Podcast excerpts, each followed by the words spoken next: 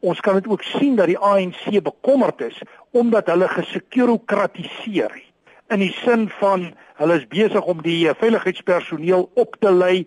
Daar is 'n baie sterk veiligheidsteenwoordigheid daar. Dit sê vir jou die ANC is bedag op probleme. My verwagting is dat die EFF getrou aan hulle reputasie gaan optree dat daar 'n onstabiliteit gaan kom dat hulle iewers buite die reëls gaan optree, maar die verwagting is ook dat die veiligheidsomgewing waarskynlik ook hard kan terugoptree. Meneer Zuma het hulle nou beskuldig dat hulle die Nkandla storie misbruik het om politieke punte te wen. Ek dink die Nkandla saak, soos die spionasiebande is een van die punte waar meneer Zuma uiters kwesbaar is. En uh, meneer Zuma doen sy bes om sy beeld te herstel. Ek dink die getuienis teen meneer Zuma is redelik verdoemend en sy rug is baie oop. Ek dink die EFF hoewel hulle tradisioneel buite die reëls en buite die norme kan beweeg, het hulle hier 'n baie sterk en 'n baie grondige saak en hulle gaan dit definitief gebruik tot hulle maksimum voordeel teen meneer Jacob Zuma en teen die ANC. Ons weet hulle 'n party wat algemeen bekend is om hulle opinies uit te spreek.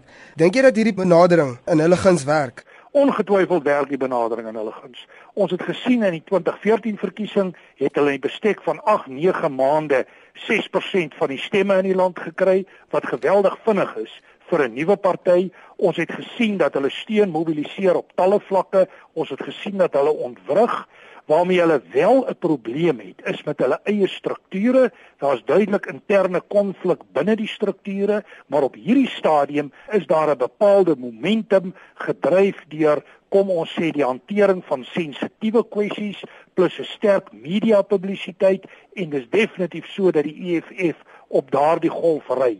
So as ons dit vir mekaar sê, dan sê ons vir mekaar dat die EFF is prominent. Ek dink 'n mens kan so ver gaan om te sê die State of the Nation is geweldig prominent as gevolg van die EFF en die moontlikheid dat die EFF dit kan ontwrig en die implikasies wat dit het vir meneer Jacob Zuma.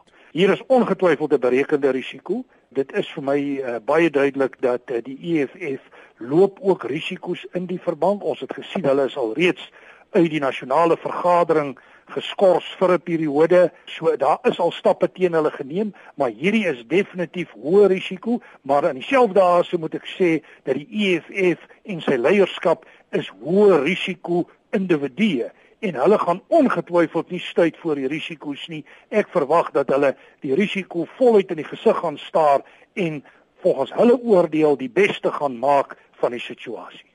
Wat is jou verwagtinge van meneer Zuma kom in die sona?